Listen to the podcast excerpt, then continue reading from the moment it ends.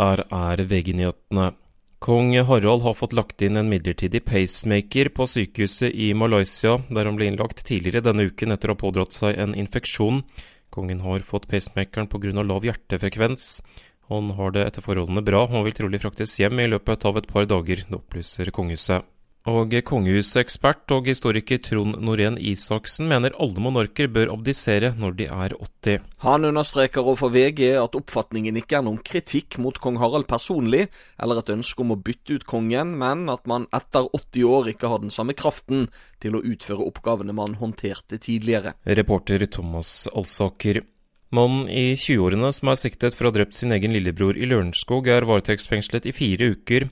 Lillebroren ble funnet død med skuddskader i en leilighet i Lørenskog fredag, og politiet har beslaglagt et våpen. Det er foreløpig usikkert hvordan storebroren stiller seg til siktelsen. En 40 år gammel mann fra Tønsberg er dømt til 75 dagers ubetinget fengsel for å ha svindlet til seg 240 000 kroner fra en minibank, det skriver Tønsbergs Blad. Det skal han ha gjort ved å utnytte en teknisk svakhet i minibanken, ifølge dommen. I studio André Ødby, nyhetene du alltid på VG.